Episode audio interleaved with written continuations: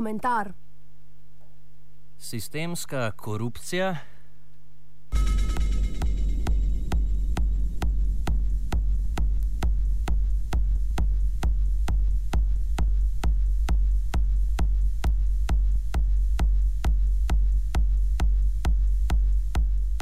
Minevajo tedni od protestnega odstopa tričlanskega senata Komisije za preprečevanje korupcije, ki je v odstopni izjavi zapisal, da so v KPK dosegli mejo uveljavljanja zakona o integriteti in preprečevanju korupcije.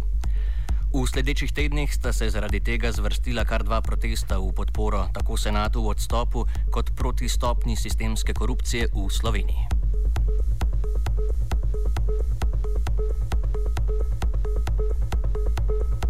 Spomnimo na besede Gorana Klemenčiča, trenutno vršilca dožnosti predsednika KPK.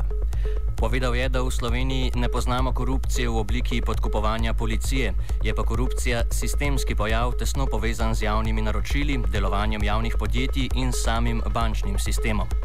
In ravno bančni sistem je pravkar bil izpostavljen stresnemu testu, ki sta ga izvajali neodvisni revizijski hiši Ernst Young in Oliver Wyman, pri tem pa nista želeli razkriti metodologije, ki sta jo pri tem uporabili. Čemu tajna metodologija ni bilo nikoli zadovoljivo pojasnjeno? Špekuliramo pa lahko, da bančna luknja morda ni tako velika, kot je bilo ugotovljeno, in to pripišemo interesom, da se zaradi tega zadolževanje države na mednarodnih finančnih trgih še podraži.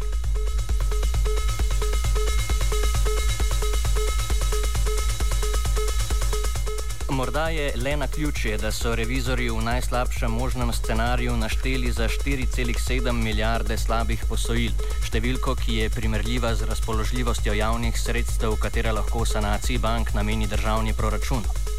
Nobena skrivnost ni, da je strokovno mnenje za primerno vsoto denarja mogoče kupiti. Neodvisni zunanji revizor bo namreč v svoje poročilo napisal to, kar naročnik od njega zahteva.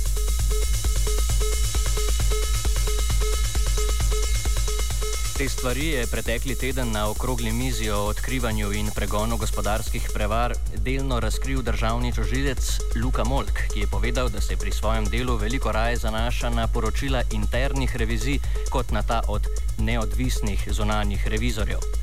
Interne revizije so namreč narejeno verodostojneje, saj so namenjene upravi podjetja in tej ni v interesu sprejemati odločitev na podlagi zavajujočih analiz. Zunanje revizije so po drugi strani PR-ovska poteza. Zunanji revizor pa skuša ugajati naročniku, saj ga bo v nasprotnem ta v režimu prostega trga zamenjal z drugim, poslušnejšim ponudnikom revizorskih storitev.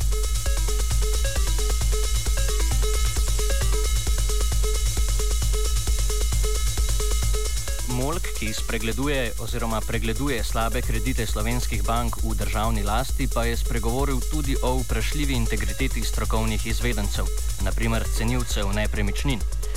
Obstajala naj bi cela serija primerov, v katerih so cenilci podali nerealne ocene vrednosti, na podlagi katerih so banke na to odobrile kredite, ki kasneje niso bili odplačani.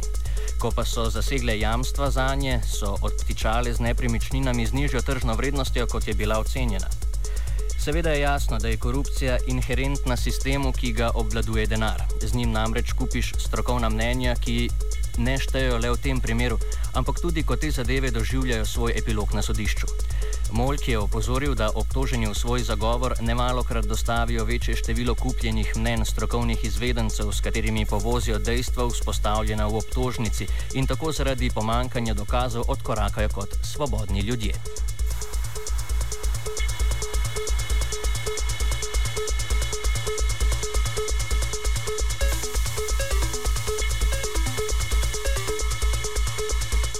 Dodatno oviro delu toživstva pa predstavljajo same banke, ki preiskovalcem ne posredujejo potrebnega dokaznega gradiva, saj da je to predmet bančne tajnosti.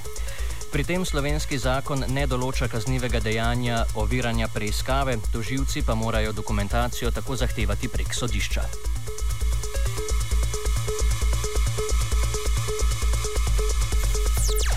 Slovenski pravni sistem je torej sešitek slabega preventivnega delovanja in šibke kaznovalne politike. Spomnimo se lahko direktorja Merkurja, Bineta Kordeža, ki ni nikoli odgovarjal za tajkunsko lastninjenje tega podjetja, spoznanje namreč bil za krivega nepravilnosti pri preprodaji zemljišč. Odgovorni za korupcijo, torej podobno kot mafijski šefi, niso klicani na odgovornost zaradi večjih zločinov, kot so umori. Ulovi se jih namreč le pri kakšnem manjšem kaznivem dejanju utaje davkov.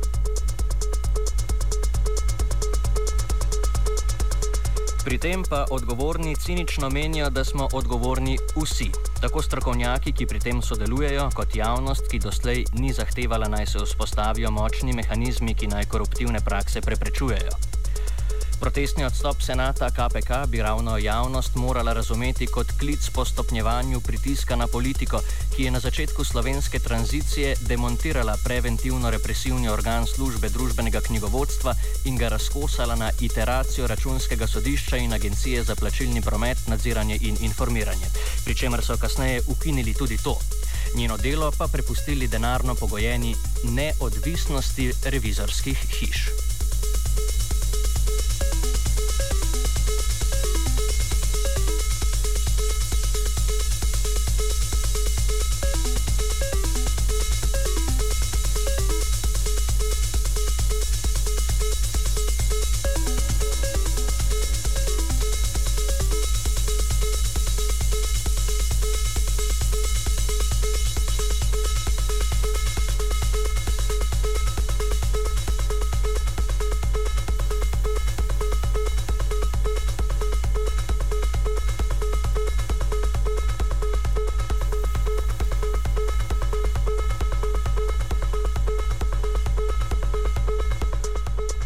Komentiral je Luka Tetičkovič. Tetičkovič se tudi posotrine, tista.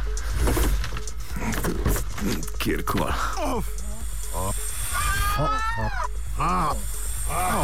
Off komentar.